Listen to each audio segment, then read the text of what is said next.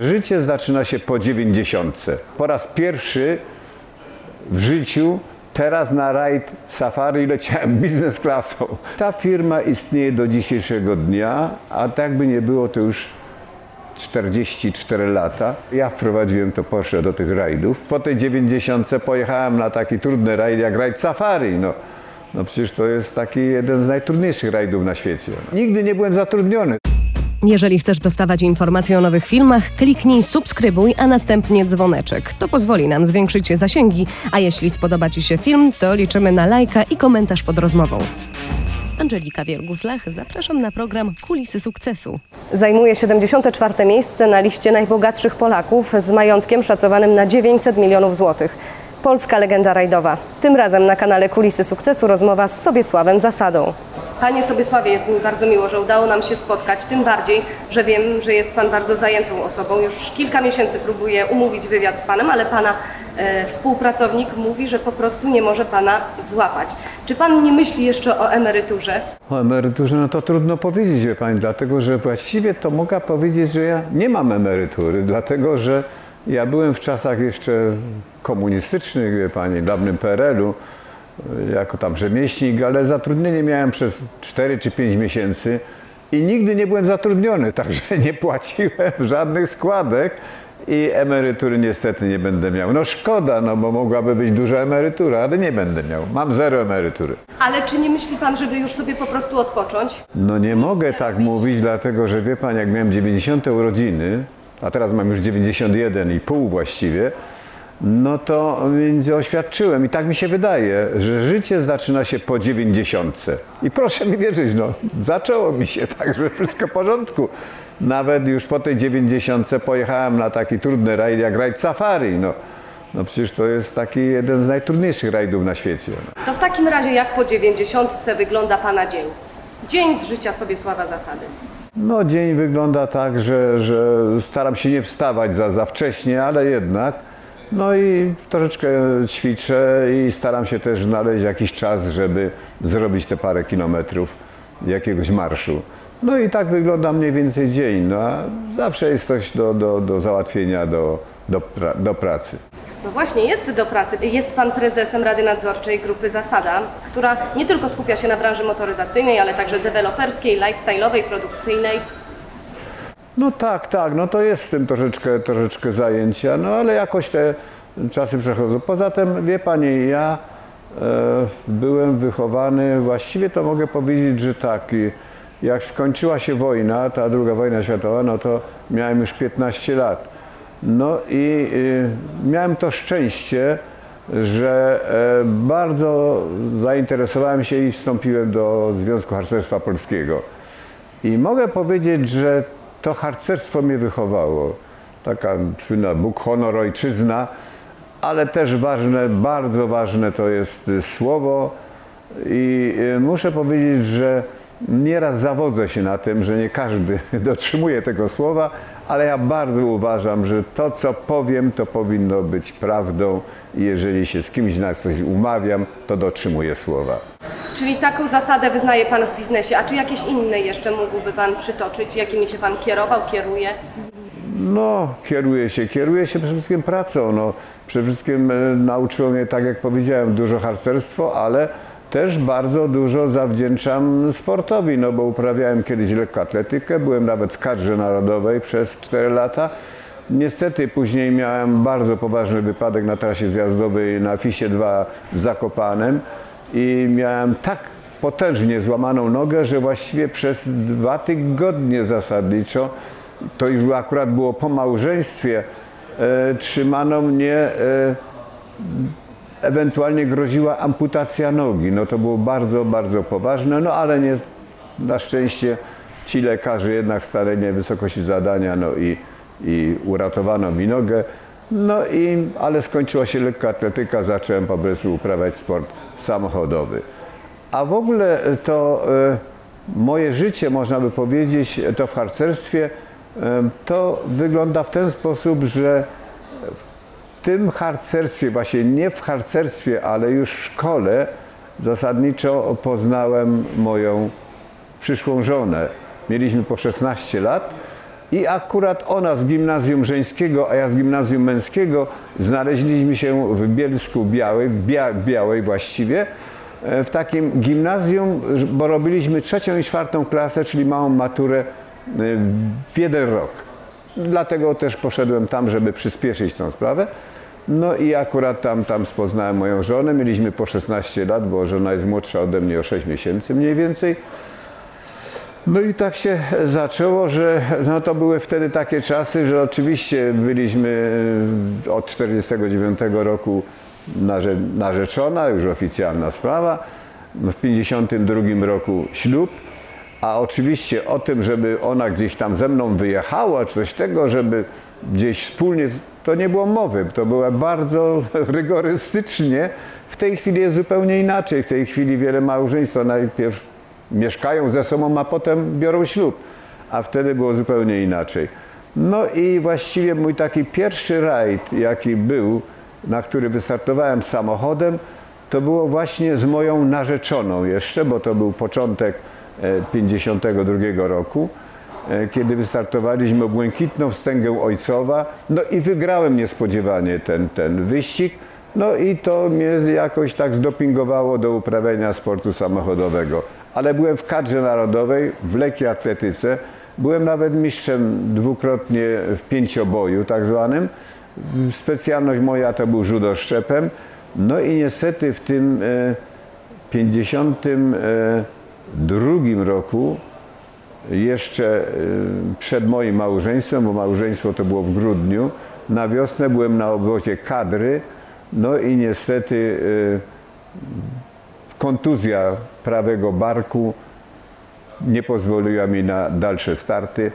No a potem ten wypadek na nartach w 53 roku, już to było dosłownie 6 tygodni po, po zawarciu małżeństwa to miałem ten, ten przykry wypadek, no i to się skończyła sprawa już lekkiej atletyki, no ale pozostał sport samochodowy, który uprawiałem jednak bardzo intensywnie do właśnie 79 roku.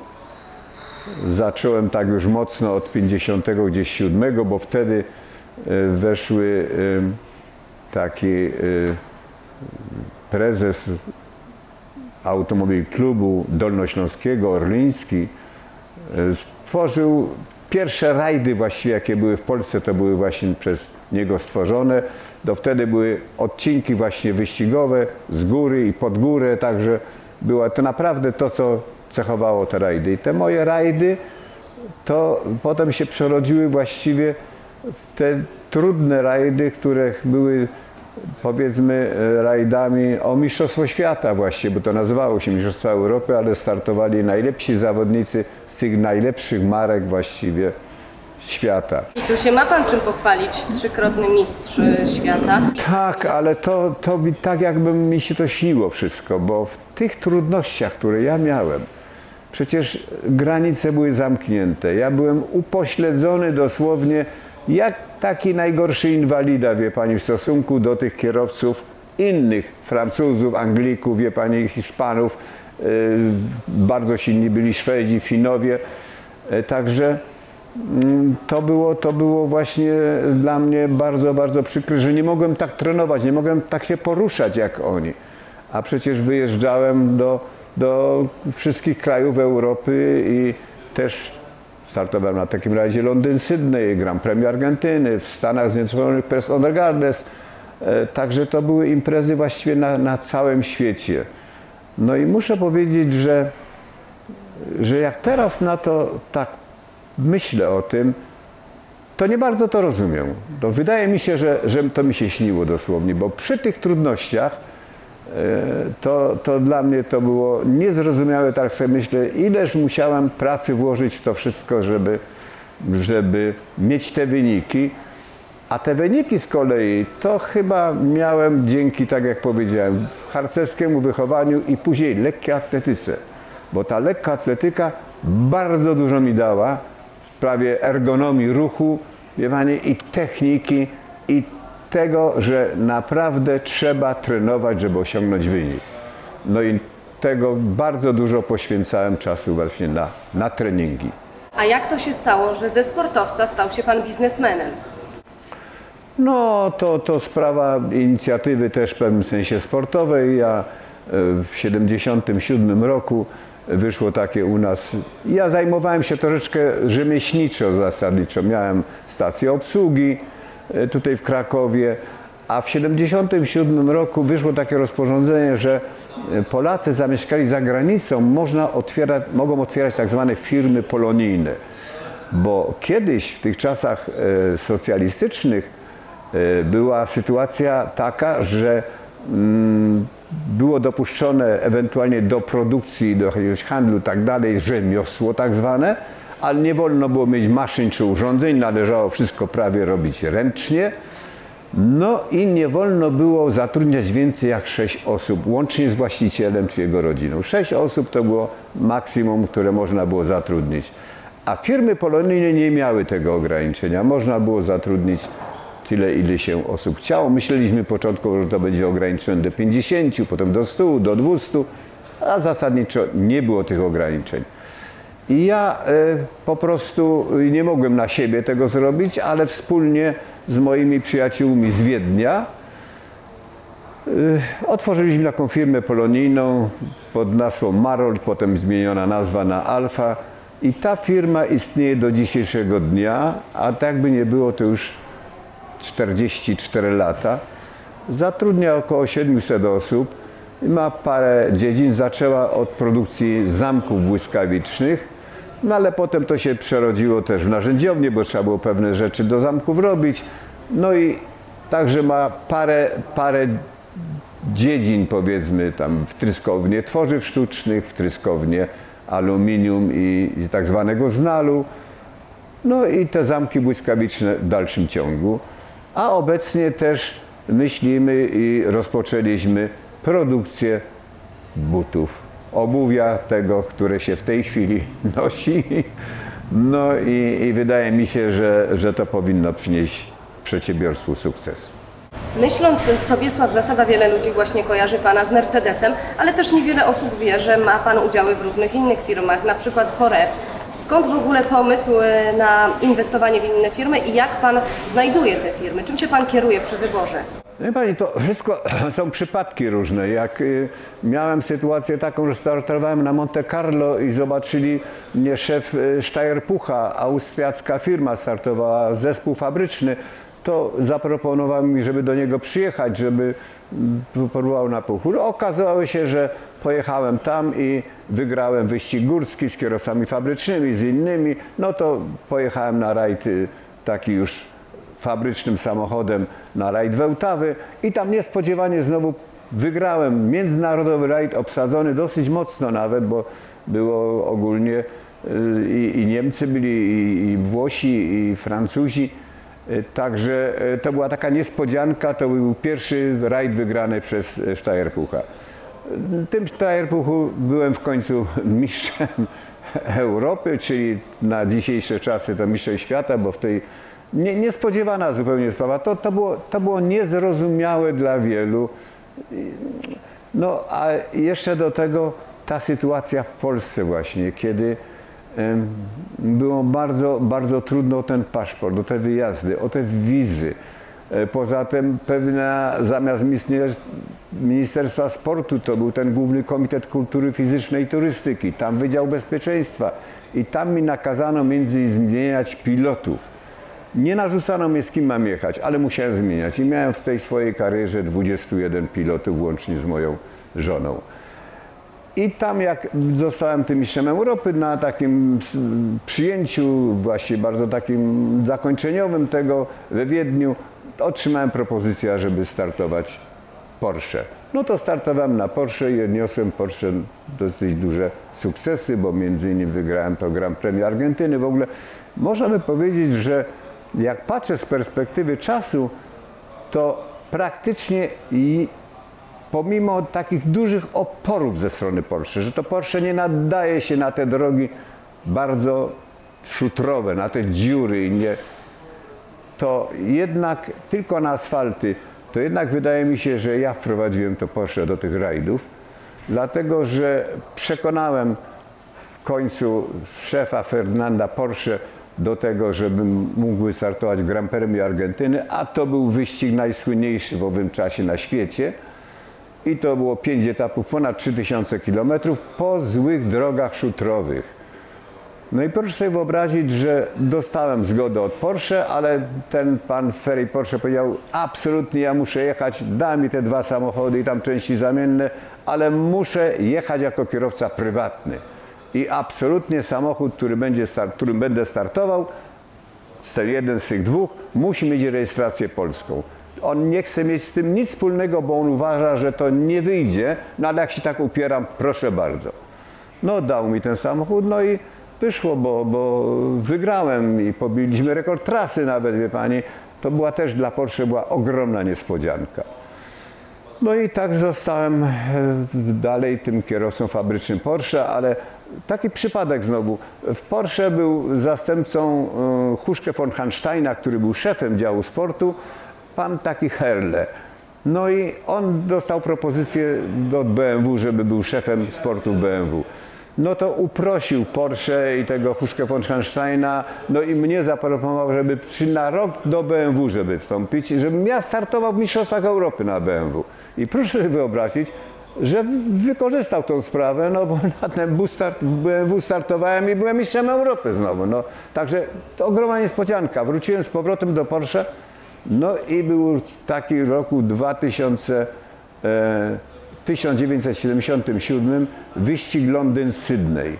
I na tym Londyn-Sydney startowałem z Wojciechem Szramem i byliśmy, prowadziliśmy po przyjeździe już do Australii, prowadzimy i wyjeżdżamy do takiego miejscowości Alice Springs, to jest centrum Australii i tam po drodze wyprzedził nas Mieliśmy dużo czasu, także oszczędzałem samochód, bo bardzo zła droga, kamienie.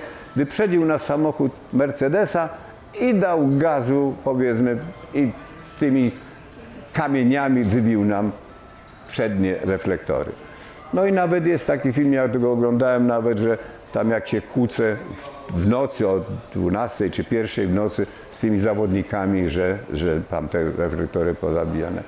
No niestety nie wygraliśmy tego rajdu, ale już na mecie rajdu przyszedł do mnie pan Waxenberger, który był szefem sportu Mercedesa i przeprosił mnie za to. Powiedział, że to nie zawodnik, że to wóz serwisowy jechał. No nie bardzo w to wierzyłem, ale obojętne. I podziękował mi, że nie składałem protestu w związku z tym, bo Mercedes wygrał ten rajd. No i dał mi propozycję, że czy nie chciałbym być kierowcą fabrycznym Mercedesa. I stąd zostałem kierowcą fabrycznym Mercedesa. A z tego się zrodziło to, że w roku 90 zostałem przedstawicielem na Polskę i Mercedesa i Porsche. Także przypadki chodzą po ludziach. Ale nie powie mi pan chyba, że przypadkiem jest pana gigantyczny sukces, jaki pan odniósł. Największy sukces odniosłem sukces sportowy. Nie, no tam wie pani, ja nigdy nie przywiązywałem specjalnej y, y, sprawy do, do, do jakichś takich sukcesów biznesowych, do tych pieniędzy i tego. Y, Ja teraz miałem taką sytuację, że po raz pierwszy w życiu teraz na rajd safari leciałem biznes klasą, bo to akurat załatwiali firma w pewnym sensie, może troszeczkę 4F się też dołożyło, no i moi wnukowie. A tak do, latam samolotami normalną, klasą turystyczną. Także ja pod względem e, pani normalnego życia jestem skromnym człowiekiem, tak. Uważam, że dawa się podobało mi się bardzo twierdzenie ostatnio, które słyszałem właśnie Roberta Lewandowskiego, który powiedział, że dla niego słowo jest ważniejsze niż akt notarialnych. Ja nie znam Lewandowskiego, nigdy z nim nie rozmawiałem, ale gratuluję temu słowu i ja się tego trzymam. Czyli jakimi jeszcze zasadami pan się kieruje w swoim życiu? Ja bym powiedział tak, że ja jestem. Mm, podziwiam po prostu i akceptuję zazdrość, ale straszna jest zawiść. Tego absolutnie akceptuję. I tej zawieści w swoim życiu niestety przeżyłem bardzo, bardzo poważnie i dużo. Do tego stopnia, że jeżeli chodzi tutaj o powiedzmy rajd polski, to proszę sobie wyobrazić, że byłem pierwszym zawodnikiem, który y, w rajd polski akurat, który był już do mistrzostw Europy, czyli świata, i wtedy zajęliśmy, z żoną jechałem dziesiąte miejsce i to było najlepsze miejsce z Polaków, bo tak to byli sami zagraniczni, całe dziewięć osób. I w tym rajdzie polskim to y, był pewien rekord dla mnie, dlatego że cztery razy wygrałem ten rajd, właśnie z żoną i te wszystkie sukcesy na rajdzie polskim to było właśnie jak pilotem była moja żona, bo cztery razy wygraliśmy, dwa razy byliśmy drudzy, drugie miejsce zajęliśmy i trzy razy zajęliśmy trzecie miejsce. Czyli byliśmy w tym rajdzie polskim dziewięć razy na podium, co było właśnie niespotykane, bo to, był, to były rajdy właśnie tej najwyższej klasy, jak obecnie WRC 1. Czyli może sprawdzi się tu powiedzenie, że za sukcesem każdego wielkiego mężczyzny stoi jeszcze większa kobieta. No tak, ja mojej żonie dużo zawdzięczam i muszę powiedzieć, że e, jeśli dożyjemy, to w przyszłym roku będziemy mieli 70. rocznicę ślubu. Także e, patrzę nieraz na, na różne osoby, które mają dwie żony, trzy żony, cztery żony, niejednokrotnie dużo młodsze od siebie, powiedzmy. Rekord to jest, tak mi się wydaje, 50 lat. A ja niestety mam też rekord pewien, no tak, tak, no jestem starszy od żony, od 6, mam od 6 miesięcy młodszą. To ja tego życzę, żebyście Państwo żyli zdrowy jeszcze. A proszę powiedzieć w takim razie, jak Pan powiedział, że życie po 90 się zaczyna, jakie Pan ma plany na najbliższe lata? E, Proszę Manią, dla mnie najważniejsza jest sprawa taka, żeby jednak być w pewnym ruchu fizycznym dla ludzi. Bardzo ważna jest waga. Ja e, mam apetyt nieprawdopodobny. Ja jem wszystko, obojętne co mnie, wszystko smakuje, ale jednak bardzo uważam na tą wagę i, i no niestety no, no walczę, walczę i, i to jest dla mnie sprawa, papierosów nie palę. E, Ja piję też alkohol, ale umiarem. Nigdy w życiu nie byłem nieczeźwy, tak żebym stracił przytomność. Oczywiście nieraz za dużo troszkę może wypiłem, ale nie straciłem nigdy przytomności. No i bardzo uważam na przykład, nie ma mowy, żebym pojechał samochodem po kieliszku y, wódki, czy po małym piwie nawet. To już na to zwracam bardzo dużą uwagę, bo to jest naprawdę niebezpieczne. Jeżeli chcesz dostawać informacje o nowych filmach, kliknij subskrybuj, a następnie dzwoneczek. To pozwoli nam zwiększyć zasięgi, a jeśli spodoba Ci się film, to liczymy na lajka i komentarz pod rozmową.